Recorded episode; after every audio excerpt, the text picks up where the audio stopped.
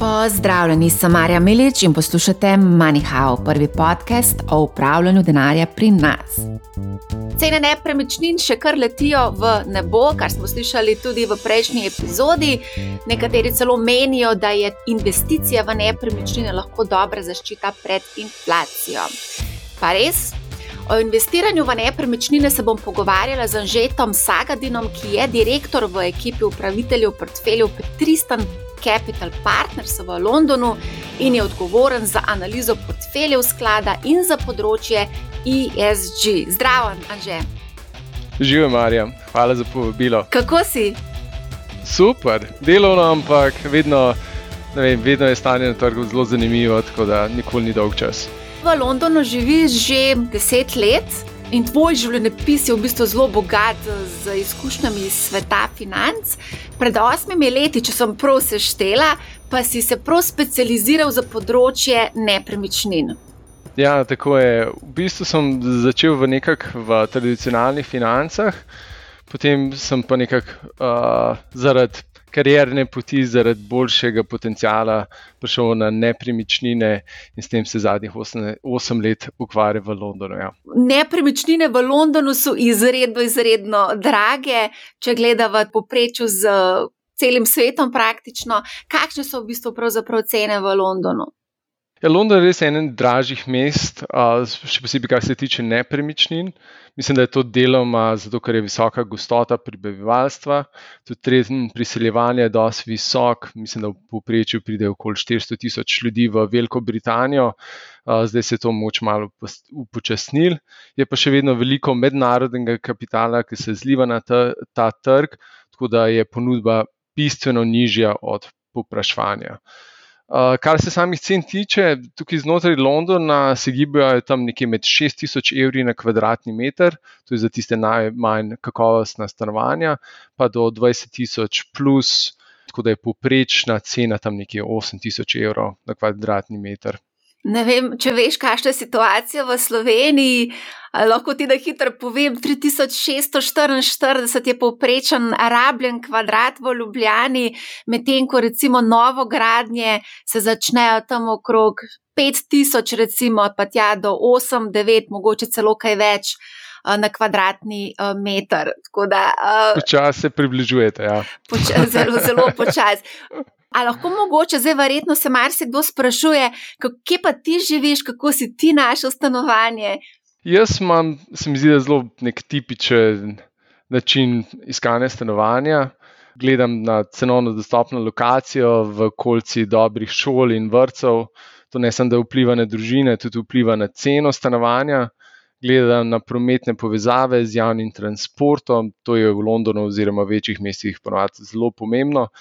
Kar je pa za me zelo pomembno, še je kvaliteta zraka, čim manj onesnaženja s hrupom, še vedno v velikih, a, velikih mestih zna biti to velik problem.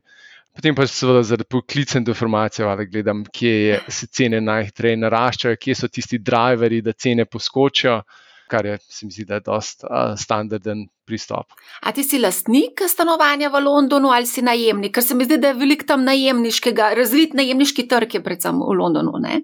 Ja, najemniški trg je zelo dobro razvit. Jaz sem sam lastnik, ampak sem bil kar nekaj časa uh, najemnik.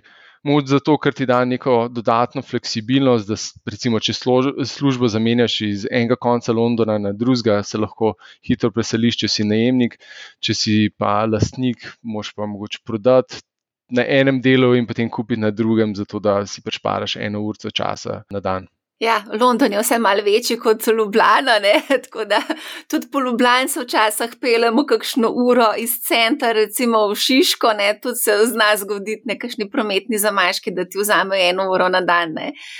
Greva kar konkretno zdaj na številke. Zdaj Banka Slovenije je že dvakrat recimo opozorila, da so cene stanovanj precenjene v Sloveniji, na zadnje izračunala vse tja od 3 do 13 odstotkov, da ne bi bile v bistvu precenjene stanovanja. Nedavno sem pa brala, da so tudi v Londonu v bistvu precenjene stanovanja in sicer za 50 odstotkov. Kako je zdaj s tem? Ja, v zadnjih letih smo se res videli spektakularno rast cen še posebej stanovanj. V Londonu je ta znašal nekje 7%, kot praviš, je v Sloveniji moč še celo malo višja. Še posebej, če pomislim, da smo šli zadnji dve leti čez pandemijo, je res ta rast skoraj ne nepredstavljiva. Je pa potrebno tukaj ločiti dve stvari. Ena je absolutna vrednost stanovanja, torej kakšna je cena na kvadratni meter. Zdaj, če je, so stanovanja precenjena, je zelo odvisno od časovnega okvirja. Ampak, če gledamo nekako poprečno vrednost stanovanj, se ta neprestano viša. Torej, lahko je nekaj precenjeno za tri mesece ali pa za šest mesecev, dvomim pa, da je precenjeno za naslednje dve leti.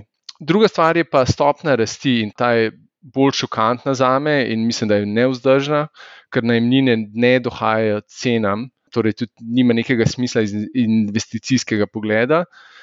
Zato pa seveda je cel kup enih dejavnikov, ki je vplival na to trenutno situacijo. Eno je poceni denar, obrestne mere, ki so na, na zgodovinsko najnižji ravni, potem stabilna ekonomska rast, kar je pripomogla kupni moči in uh, rasti premoženja prebivalstva pa deloma tudi pandemija, ki je imela sicer prvotni šok, ko je prišel do krajše ohladitve v aktivnosti, potem so pa ljudje začeli pospešeno kupovati prostornejša stanovanja, pa stanovanja nekje drugje, ki ponujajo recimo boljša, boljši dostop do narave in drugih karakteristik.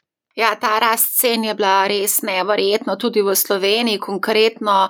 Dno smo dosegli leta 2015, ko je bil v Ljubljani 2000 evrov na kvadratni meter, ne, torej približno, mislim, da 90 odstotkov imamo rast v bistvu cen uh, rabljenih stanovanj v, v Ljubljani. To je kar kar precej. Ne? Greva se mogoče dotakniti Tristan Capital Partners, tam si zaposlen kot specialist. Ne? Družba se mi zdi, to si, to si mi povedal v pogovoru pred tem intervjujem, upravlja 14 milijard evrov premoženja. Drži ta podatek? Tristan Capital je private equity investicijsko podjetje. Vlagamo sključno v nepremičnine, gre pa za neposredne investicije kako to zgleda. Zberemo kapital, uporabimo ta kapital za investicije, ustvarjamo portfelj in potem aktivno upravljamo s pomočjo nekih lokalnih partnerjev. Seveda gledamo na to, da povečamo vrednost premoženja eh, med tem časom, ko smo mi investirani. To pa izvedemo preko CAPEX programov, ki je če dalje bolj nekako fokusiran na ESG, najdemo najemnike, spremenimo namembnost. Če ponudba omejena, zgradimo tudi novo stavbo je pa ja, skupaj 14 milijard premoženja imamo pod upravljanjem, vlagamo pa praktično po celi Evropi in v večino oblik nepremičnin, torej pisarniške zgradbe, logistične centre, hotele, študentske domove, stanovanske zgradbe in ostalo. Mečkaj sem še pogledal na Bloombergu, um, ki imate investicije in največji delež investicij v Nemčiji, če sem prav prebrala, 26 odstotkov, Velika Britanija 18, Francija, Nizozemska po 9 odstotkov. A ste mogoče kdaj razmišljali, da bi prišli v Slovenijo investirati? Tukaj zelo primankuje takih investitorjev. Ja, seveda, se mi zdi, da ponavadi se investitorji oziroma skladi, kot smo mi, odločajo za moč malo bolj likvidne trge torej Velika Britanija, Nemčija, Francija. Je pa čedalje bolj pomembna cena oziroma donose, ki jih lahko dosežemo na teh trgih, a, tako da se odpirajo tukaj neke nove priložnosti v državah, kot je Slovenija, kot je Avstrija, Poljska in tako naprej. Um, tako da, ja, se mi zdi, da ima Slovenija veliko za ponuditi, je pa trenutno ja, kar malo pomankanje tega uh, institucionalnega kapitala, ki bi, ki bi bil aktiven na tem področju. A to ste bili v fazi razmišljanja, ali dejansko ste tudi preverili, kakšna je situacija v Sloveniji in kaj bi se mogoče dal, kje bi se dal investirati? Mi zaenkrat še nismo imeli investicije v Sloveniji, smo pa razmišljali o tem, smo pogledali par priložnosti, tako da vedno pa se vprašaš, kako boš kupil, kako boš potem povečal vrednost in kako boš v končni fazi prodal nekomu drugemu. In ravno pri tem izhodu se včasih stvari malo zataknejo, zato ker ni dovolj velike mase, ki bi gledala uh, na ta trg. Oziroma, tudi nekih večjih playerjev ni, ki bi lahko recimo kupili potem od nas 150 milijonsko uh, investicijo. Prej si omenil, da ste v lovu za donosi, ne donosnosti so relevantne. Ali lahko mogoče poveš, kakš, kakšne donosnosti iščete, zahtevate? Ja, mi imamo dve strategiji in stopna letnega donosa je nekako primerna tveganju. Prva, oziroma prva oblika investicije je Core Plus. Tukaj gre za manjše posege, za moč mal manj tvegane naložbe. Tukaj ciljamo na nekje na 9 do 11 odstotkov letnega donosa. Potem je pa še value add oziroma bolj oportunistična strategija. Tukaj gre pa za bolj tvegane uh, investicije, tudi bolj donosne. Tako da tukaj ciljamo nekje na 12 do 14 procentne donose. Pa so to tudi realizirani donosi potem v praksi? Ja, v bistvu imamo kar par skladov, ki so bili do zdaj vedno nad 10-procentnim donosom. Kako bo pa zdaj vnaprej, bomo pa še videli. Ja, tudi nepremičninski trg se zdaj mal trese. Videli smo skladi, reč skladi, ki investirajo v nepremičnine, so se mal korigirali, ne? smo videli upad 15-20%. Ampak se o tem bova tudi še malce več kasneje povedala ali se napihuje balon, s tem smo se kar precej spraševali na nepremičninskem uh, trgu, uh, kako smo v bistvu prišli v ta scenarij, nekaj si sicer že omenil, kaj je bil glavni povod, da imamo v bistvu zdaj tako rekordno rast cen nepremičnin praktično po celem svetu. Ja, tako kot za stanovanja, so tudi poslovne nepremičnine zabeležile kar neverjetno rast. Na to rast so seveda vplivali številni dejavniki. Nekatere, kot si rekla, so že omenila prej, torej poceni denar, obrestne mere na zgodovinsko najnižji ravni, relativno stabilna ekonomska rast. Se mi zdi pa, kaj je naredilo nepremičnine še posebej zanimive, je pa spred nad obveznicami. Te so v zadnjih parih letih ponujale minimalne donose, tako da je če dalje več denarja se zlivalo nepremičnine. Torej, gre za pomankanje drugih alternativ, deloma pa tudi zaradi diversifikacije. V nekih tradicionalnih portfeljih je. Moče deset let nazaj, moče posledica prejšnje krize, bilo manj denarja alocirano v nepremičnine.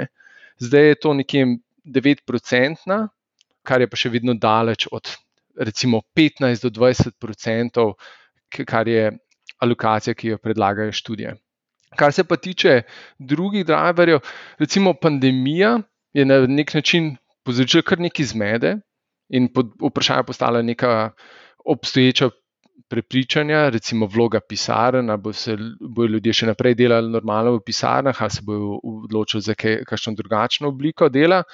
Uh, tudi spremembe v nakupovalnih navadah. Po drugi strani pa je pandemija tudi pospešila to rast cen, še posebej za logistične centre, recimo po celi Evropi. Trgovci so želeli dodatne kapacitete, teh je primankvalo, tako da so cene logističnih centrov samo naraščale.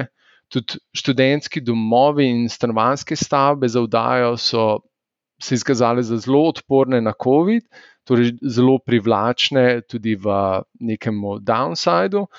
Pa tudi nekatere pisarne, še posebej tiste, ki so bolj kvalitetne na najboljših lokacijah, recimo po teh glavnih poslovnih središčih, po Nemčiji, Franciji, Veliki Britaniji, ki ustrezajo tudi nekim ESG kriterijem, ki so zdaj zelo, zelo pomembni. Potem je pa tudi tukaj še deloma inflacija. Inflacija je na nek način prijatelj od nepremičnin, do neke stopnje lahko poslovne nepremičnine ponudijo zelo dobro zaščito. Seveda, to gre, mislim, to velja do določene mere. Mhm, seveda te moramo vprašati, do katere mere lahko mogoče malo to pojasniš. Ja. Ker recimo, če gledam pa zdaj z vidika Slovenije, se mi zdi pa, da vseeno nekako je ta rezidenčni stanovanske nepremičnine so veliko bolj interesantne, sploh malim investitorjem in vedno praktično iščejo neke donose in zaščito hkrati.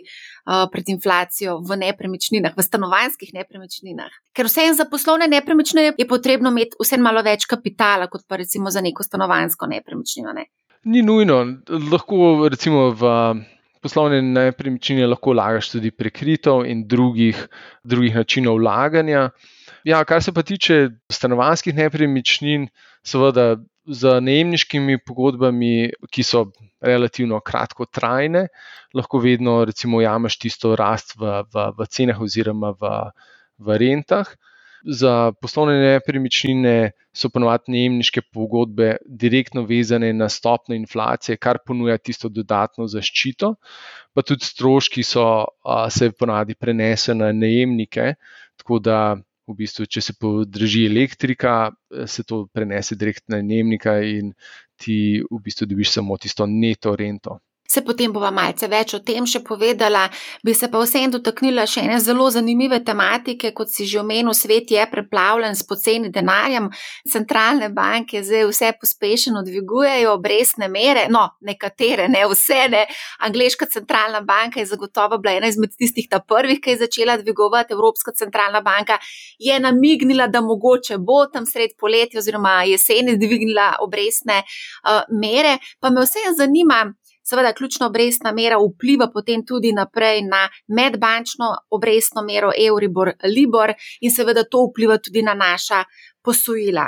Zdaj v Angliji že imate to izkušnjo, ali lahko mogoče poveš, kako je to vplivalo na trg nepremičnin, ta dvig ključne obrestne mere v Angliji? Ja, res je, obrestne mere se postopoma višajo za poslovne nepremičnine oziroma za sklade, ti rel, relativno majhni premiki, tukaj govorijo vem, 100 do 200 bazičnih točk premiki, to ne predstavlja neke više uvere, to gre samo za neke povišene stroške financiranja in hkrati znižanje donosnosti investicij. Medtem ko pa recimo, če bi prišel do večjih premikov, bi to dejansko, torej 3 ali 5 odstotkov ali več, bi to znali pripeljati do tega, da investitorji zahtevajo višjo donosnost, da potem skompenzirajo za višek strošek financiranja. In v takem primeru bi se potem cena nepremičnin a, znižala zaradi te zahtevane donosnosti. Hkrati pa se mi zdi, da centralne banke delajo zelo dobro, da zelo dobro poročajo o svojih namerah, ravno zato, da ne bi prišel do teh nepotrebnih šokov na trgu nepremičnin. Seveda pa za posameznika je čist drugačna slika. Više obrestne mere so ponovadi večji izziv, zlasti če recimo uporabljajo najemnino od te nepremičnine za poplačilo posojila. Tukaj lahko pride do situacije, ko bo lastnik nepremičnine mogel potem še dodatno plačati nazaj banki, da pač seveda ne bo vsega lahko kriv za najemnino. Tako da tukaj je moč smiselno pretvoriti iz variabilno v fiksno obrestno mero. Mislim, da si to že parkrat omenila v tvojih podcastih. Je pa trenutna situacija tudi zelo kompleksna za gradben sektor. No, vse o gradbenem sektorju, to je tudi ena tako zanimiva zgodba. Večina financirajo gradnjo z posojili, ta se zdaj dražijo, dražijo se tudi vhodni materijali. Skratka, gradbinci imajo kar nekaj izzivov. Čeprav, ko smo se pogovarjali s slovenskimi gradbinci, zaenkrat še nekako vse kontrolirajo, očitno imajo neko zalogo ali pa imajo te marže tako nastavljene, da so mal fleksibilni v, v dobičkih. Ne? Ja, kaj, trenutno okolje res ni pisano na kožo gradbenim podjetjem, pa tistim, ki investirajo v take projekte. Kje pa je problem? Ja, stroški gradbenega materijala in delovne sile rastejo skupaj z inflacijo, potem zaradi težav v dobavni verigi pride do tega, da so dobavni roki se podaljšali. Kot rečeš, v bistvu se pravijo potem gradbinci na nek način ščititi s tem, da kupijo na zalogo, ampak to ni vedno možno pa tudi delovne sile ni več toliko. Recimo v centralni Evropi je to deloma posledica tudi vojne v Ukrajini. Tako da v povprečju po Evropi, govorimo, ne vem točno kako je v Sloveniji, ampak po Evropi je nekje povprečje 6 do 9 mesecev zamude za, ta, za, ta večje, za te večje projekte. Če zdaj prištejemo še te obrestne mere, kot si rekla, ki se višajo in gradbeni projekti imajo ponovadi više pribitke, gre tukaj za nek perfect storm za gradben sektor. Seveda je pa tudi treba vedeti, da je zelo odvisno to, od, v kateri fazi gradnje je nek projekt. Torej, če nekaj par mesecev do, do, do končanja, bo pač gradbinc in investitor, boste oba dva stisnili malo zobe. Če je pa to šele v nekih začetnih fazah, bo pa malo hoje požarjavci, se meni zdi. Tako da, če povzamemo, ja, tveganje gradbenih projektov se bistveno zvišuje, sam pričakovan donos investicije pa niža. Ja, v kakšni finančni kondiciji pa so gradbinci, tako po tvojem mnenju? Ker mi smo imeli v Sloveniji, vse veš, kakšna je bila situacija leta 2007-2008, takrat niso, ni veliko velikih gradbincev preživeli. Ne? Po mojem, so zelo dobri kondiciji trenutno, se pa ta profitabilnost manjša. Recimo, če so ti gradbinci sklenili neke projekte na ključ, torej so rekli, da bo izgradili nekaj po točno določeni ceni. V normalnih pogojih to recimo nekemu investitorju prinaša neko varnost. Zdaj bo, se bosta mogla investitor in gradbinci usesti in dogovoriti, kako si boste razdelila ta, to rast v stroških, o, kako se boste dogovorili glede zamud in penalov in takih zadev, ker vse to lahko v bistvu na sol, vpliva na solventnost gradbincev. Če bi recimo investitor insistiral na tem, da točno po tej ceni zgradi projekt. A je možno, da se ta strošek teh višjih cen vhodnih materijalov in pa delovne sile prevali, in pa seveda financiranja, prevali na končnega kupca? Najbrž je nek način, zelo odvisno za, za, kakšno, za kakšen tip premoženja gre. Če gre za stanovanja, se boš usedel nazaj z stotimi kupci stanovanj in se spogajal za više ceno. Celo tako je, potem zna to izpadeti celo malo riskantno in nek red flag uh, dvigan. Če pa gre za neko poslovno nepremičnino, pa definitivno tukaj mislim, da, da je to neka stalna praksa če vidiš, da projekt se več ne izide, se moš pač usedeti in dogovoriti, kako naprej, ker drugače oba da zgubita. Zdaj, marsikdo seveda čaka na te pocenitve nepremičnin.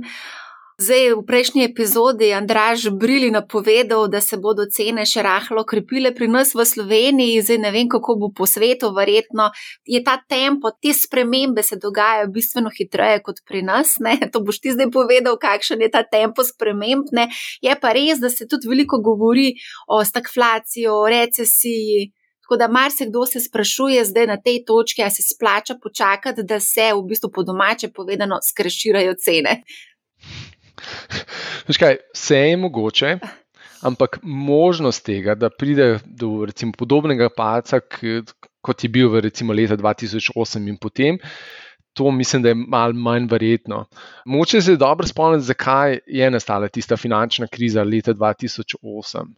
Ker sama kriza se je začela z lomom nepremičninskega trga v ZDA, to je potem vplivalo na banke, te so imele velike izgube, pa še do propada Brian Sternsa, Lehman Brothersa, potem temu je sledilo nezaupanje v ostale banke, njihova slaba posojila, padlo je potem zaupanje potrošnikov, gospodarski razvoj se je zaustavil in potem relativno hiter zdrs v recesijo po celi Evropi. Potem je tudi nastopila še dolžniška kriza.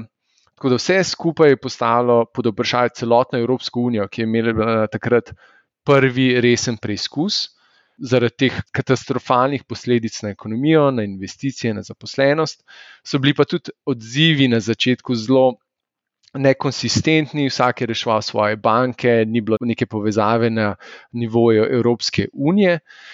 Danes gre pa za namerno zaviranje gospodarstva, da se to malce ohladi, da se inflacija zmanjša moramo vedeti tudi, da je stopna brezposelnosti v Evropski uniji zdaj na zgodovinsko najnižji ravni. S tem, da smo šli ravno čez dvoletno pandemijo, pa tudi banke so dosti bolj kapitalizirane, tudi obrestne mere so eh, še vedno za, na zelo nizki ravni v primerjavi z zadnjimi 20 leti. Tako da, če pride do recesije, a se lahko nepremičnine pocenijo, ja, in mislim, da se tudi bojo. Na to tudi kaže v bistvu ta korelacija med rastjo BDP-ja in letnimi donosi nepremičnin, ta je zelo močna. Mislim pa, da je teže, da pride do nekega velikega zloma, razen če se bi recimo vojna v Ukrajini razširila po Evropi, ampak se mi zdi, da potem se bi tudi vrednote malo spremenile in cene nepremičnin ne bi bile več tako pomembne. A greva se zdaj dotakniti rejt skladov, večkrat smo jih zdaj že omenila, Real Estate Investment Trust so to skladi, ne? kako se investira v te sklade, kaj moramo vedeti, v katere nepremičnine investirajo. Rejt skladi so v bistvu ena najlikvidnejših oblik investiranja v nepremičnine. Torej, sklad direktno investira v stavbe, potem pa kotira kot, kot oziroma je dostopen na borzi, tako praktično kot delnice. Ponovadi investirajo lahko v vse oblike nepremičnin, od poslovnih pa vse do stanovanjskih, so pa lahko ali zelo diversificirani, kar se tiče namembnosti in a, same regije, v kateri investirajo, lahko so pa zelo specializirani samo za nišno, za točno določeno namembnost ali pa za določeno regijo. Kaj je še značilno za njih? Ena je transparentnost, točno povejo, kakšna je kompozicija njihovega portfelja. Eh, izplačajo zelo visok procent njihovega dohodka v obliki dividende, ta je lahko polletna ali pa letna, to daje tudi skladu neke določene davčne olajšave. Vrednost delnice je relativno majhna, kar omogoča, da lahko investiramo tudi zelo majhno vsoto, lahko pa tudi zelo veliko denarja damo noter. Pa tudi relativno nizke vzvode taki skladi uporabljajo, kar omejuje malce tveganje. Kar se tiče upravljanja, to so vse profesionalno upravljani skladi.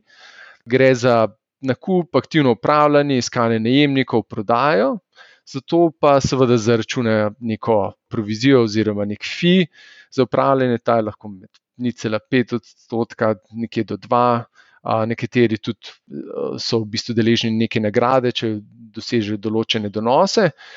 So pa potem tudi drugačne podoblike uh, REIT skladov, ki so recimo REIT ETF-ji ali pa vzajemni skladi, ki pa ne investirajo direktno v nepremičnine, ampak v druge REIT sklade. Torej, gre za dvojni sloj stroškov oziroma dvojni sloj upravljanja. Uh mhm. -huh. Mogoče na kaj moramo paziti pri skladih? Po eni strani so to v bistvu kotirajo na borzi kot delnice, ampak se tudi cene potem gibajo glede na povpraševanje in ponudbo. Da, kot si rekla, v zadnjih tednih so ti, te vrednosti malce padle, pa čeprav v bistvu so tiste stavbe, v katere so ti rit skladi investirali, se niso čisto nič pocenile. Gre v bistvu bolj za nek sentiment oziroma uh, korelacijo med skladi in delniškimi, delniški trgi ta, ta korelacija je kar precej visoka, mislim, da je okoli 0,8, kar je v bistvu kar, uh, kar visoko. Kar se tiče samih nihanj teh cen, so ponovadi v bistvu malo manjše, kot bi videli na, na, na, na trgu. Torej, ko se odločamo za rit sklade, tisto, tiste stvari, ki moramo preveriti, so najprej ljudje. Torej, izkušnje ekipe, velikost ekipe, mhm. kakšna je strategija, ki stoji v zadnji. So pa pomenili tudi diversifikacije, tako geografsko in tudi namembno. Valutno tveganje, ker lahko da REIT sklad investira v recimo Veliko Britanijo ali pa na Dansko ali pa še druge države, torej je zna biti nek element valutnega tveganja tam. Preveriti moramo pa tudi določene kazalce, kot so recimo cena delnice v primerjavi z navom oziroma neto vrednostjo delnice, ta neto vrednost se določa glede na cenitev posameznih nepremičnin, ki so znotraj sklada in lahko prije do velikih diskantov. Pa tudi druge stvari, recimo, kot so Walt, to je povprečna dolžina najemniških pogodb in occupancy, oziroma procent vseh prostorov, ki so oddani, oziroma stopne zasedenosti. Vse to ponovadi najdemo v raznih poročilih, ki jih ti RIT skladi potem objavljajo na kvartalni bazi ali pa polletni bazi. Se pravi, namesto da investiramo 100, 200, 300 tisoč evrov v eno nepremičnino, jih v bistvu lahko razpršimo investicijo na več nepremičnin po celem svetu, v različne type nepremičnin. Nismo vezani na lokacijo, nismo vezani na državo, lahko smo investirani v več nepremičnin, kar je v bistvu fajn, da v bistvu se tudi slovenci začnemo počasi zavedati, da lahko investiramo v nepremičnine, ampak da ni potrebno investirati naenkrat 200 tisoč ali pa 300 tisoč v eno nepremičnino. Se pravi, da se izpostavimo spet samo temu enemu tveganju, kar smo v bistvu slovenci, imamo že kar precej izkušenj za investiranje v eno regijo, v eno delnico, v en naložben razred, če lahko rečemo, oziroma nepremičnine. Ne? Mogoče še tukaj tole, ne? zdaj sem šla pogledat, kaj se je dogajalo z rejti v letošnjem letu, ne v maju, v začetku maja so doživeli rejti korekcijo manjšo, evropski, ameriški so poprečju padali tam za 15-20 odstotkov. Zdaj se marsikdo sprašuje, ali je zdaj prava nakupna priložnost po teh pocenitvah, ali lahko vidimo še globje upade. Deloma mislim, da gre tukaj predvsem za strah in ta risk-off sentiment celotnega investicijskega trga.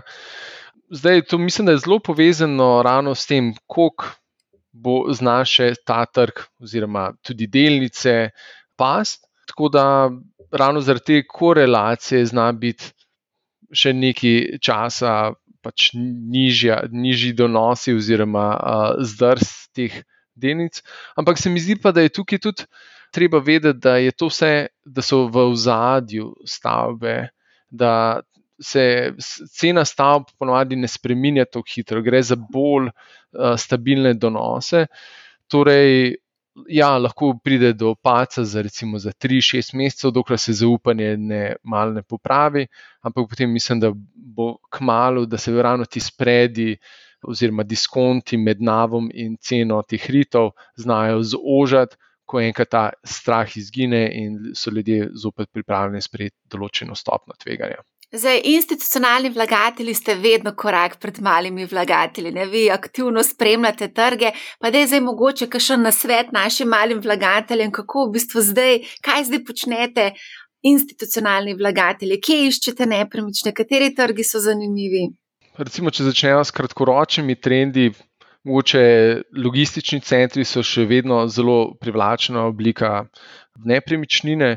Tukaj gre za veliko popraševanja in tudi počasi rastočo ponudbo. Vse to bo in je pripeljalo do tega, da rente rastejo. Tu so tudi, recimo, študentski domovi, zlasti zaradi primankljaja kapacitet, glede na število študentov, ki bi radi bivali v študentskih domovih. To je zelo popularna naložben razred znotraj nepremičnin po Evropi. So pa tukaj tudi še potem pisarne, recimo na trgih, ki imajo že sami po sebi nizko stopnjo neodanih pisarn. Za te se pričakuje, da bomo imeli višjo rast, oziroma višjo rast nepremičnin, in še posebej za tiste, ki imajo recimo najbolj kvalitetne, tiste, ki so najbolj kvalitetne in ustrezajo določenim ESG kriterijem. S tem se tudi odpirajo škare med tistimi bolj poceni oziroma uh, slabšimi stavbami, pa tiste v najvišjem rangu, ki ustrezajo praktično vsemu, kar si neko podjetje želi, ko hoče bivati v določeni stavbi. Se bo malo tako vprašanje, na katerega nekateri sogovorniki ne želijo mogoče odgovoriti. A si lahko konkreten, v katere rejte se v bistvu zdaj splača investirati malim vlagateljem? A pa saj, če lahko izpostaviš, zdaj govoriva o Evropi, pa logistični centri v Evropi, študentski domovi v Evropi, kaj pa Amerika, tam so pa veliko bolj. Taka, recimo, bolj dinamičen trg, kot pa je recimo evropski. Mislim, da zelo težko govorim v Ameriki, ker tega trga praktično ne poznam, tudi gre za mal drugačno dinamiko. Um, kar se tiče geografsko, se mi zdijo zanimivi predvsem tisti vidiki, ki investirajo v najbolj likvidne markete, to so Nemčija, Francija, Velika Britanija. Uh, točno na te markete se profesionalni vlagatelji najbolj skoncentrirajo, zato ker vejo, da bo tam vedno likvidnost. Tudi zelo veliko kapitale, ki čaka, da se plasira v nepremičnine in tam se v bistvu tam se največ dogaja. So pa tukaj tudi do, neki dolgoročni trendi, oziroma megatrendi, katerih se treba zavedati. Še posebej ESG je eden od njih, torej Environmental, Social and Governance, zaradi celega kupa enih faktorjev. Pa tudi zaradi urbanizacije, priseljevanja v mesta, mislim, da je to zelo velik pomemben faktor v nepremičninah. Še posebej, če govorimo o nekem omejenem prostoru, torej se bojo vedno cene višale znotraj urbanih središč, kot so recimo Berlin, London, Pariz in tako naprej. Um, drugi megatrendi so tudi recimo starostna struktura oziroma staranje prebivalstva. V Evropi se poprečna starost neprestano viša, torej pomankanje nekih skrbovanih stanovanj, domov za ostarele, Tako da ne vem, mogoče kakšna taka specializacija te megatrende ali pa elementih nekih bolj kratkoročnih kratkoročnih trendov, da se ujame, dokler, dokler je še to popularno, potem se petek stvari vsake toliko časa malo zamenjajo. Ja, zdaj je že si ga že večkrat omenil tekom tega pogovora, to je v bistvu s tem, se ti profesionalno tudi ukvarjaš. Ne? Um, ja, ESG v, v skladu s to zeleno tranzicijo je seveda aktualen. Tudi vidimo, kako v bistvu sama podjetja investirajo v to, da so ESG, nekateri gradijo oziroma postavljajo sončne panele na svoje strehe, uh, drugi delajo druge stvari. Um, skratka, kako ti vidiš tukaj? Kako, ta ESG v nepremičninah, a se bo, ne vem, zdaj, zdaj, zdaj nekako se veliko govori o, o energetski učinkovitosti naših domov, recimo v Sloveniji. Sloveniji imamo to zelo velik problem pri teh starejših hišah, recimo konkretno, ki so energetsko potratne. ESG oziroma Environmental Social Governance, to je zelo pomembno področje za sklade, kot je naš oziroma kot so naši. ESG po eni strani predstavlja, če dalje, bolj pomembno obliko tveganja, hkrati pa tudi priložnost za večje donose v prihodnosti. Vem, mislim, da je zelo odgovoren podatek to, da nepremičnine da so odgovorne za 40% vseh emisij toplogrednih plinov. V to šteje elektrika, energija za ogrevanje, prezračevanje, hlajenje, tudi sama izgradnja objekta, torej vključno z dovozom materijala do, same, do, do, do same parcele, pa tudi vse do rušenja stavbe in odvozom tega materijala. Ni pa to edini razlog, zakaj skladi stremimo v trajnostni razvoj poleg te energetske učinkovitosti in zmanjševanja a, emisij, je pri environmentu zelo pomembna tudi odpornost stavb na posledice klimatskih sprememb. Tukaj mislim predvsem na a, poplave, na vročinske vale, te znajo onemogočiti normalno uporabo nepremičnin, torej nek izpad dohodka, zaradi tega, ker niso dovolj pripravljene na, na te spremembe. So pa tudi določena tveganja povezana s samo tranzicijo v okolju bolj prijazno družbo. To ponovadi pripelje ostrejše uredbe glede minimalnih standardov. Tako da, naprimer, na nizozemskem leta 2030 ne boš mogel dati ali pa prodati nepremičnine, če ne bo ustrezala energetskemu razredu A. V Veliki Britaniji bo leta 2030 minimalni razred B, Tako da tukaj so te spremembe, ki so trenutno narejene na neki državni ravni, ampak tudi je za pričakovati, da bo to se razširilo na druge države, oziroma da bo znotraj Evropske unije prišlo do zaustritve teh minimalnih standardov. So pa tudi pomembna social, torej ta social aspekt.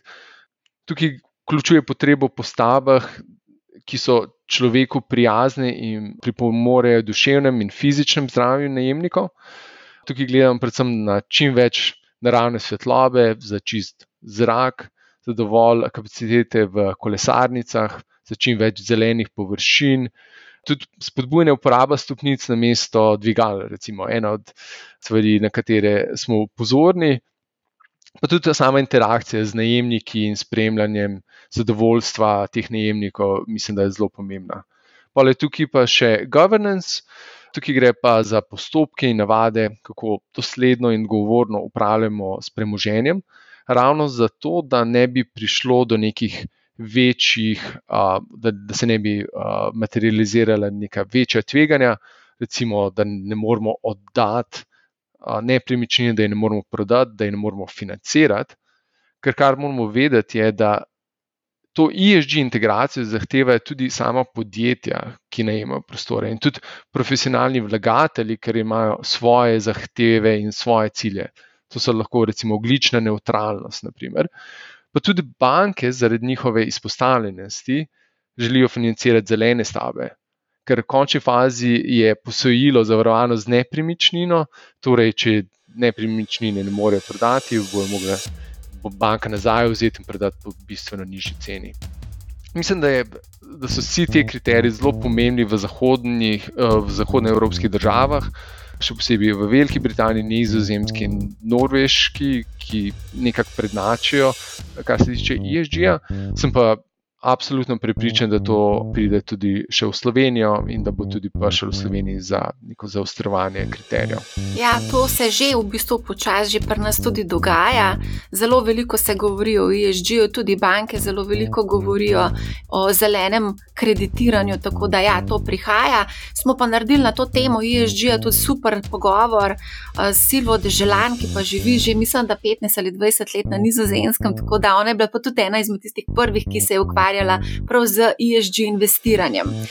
Tako da mislim, da smo že povedali zelo veliko zanimivih tem. Tako da mislim, da naši poslušalci in vlagatelji, seveda večina tudi investira, da so dobili tudi en nov pogled, kako lahko investirajo v nepremičnine. Seveda, mi bomo o nepremičninah še govorili, to je ena izmed najbolj vročih tematik v Sloveniji. Tako da najlepša hvala že za tvoj čas in lep pozdrav v London. Hvala tebi in hvala za povabilo še enkrat. Hvala tudi vam, da ste si vzeli čas, nas gledali ali poslušali. Tako da želim vam lep dan, poslušajte Manihau, ne bo vam žal in lep pozdrav.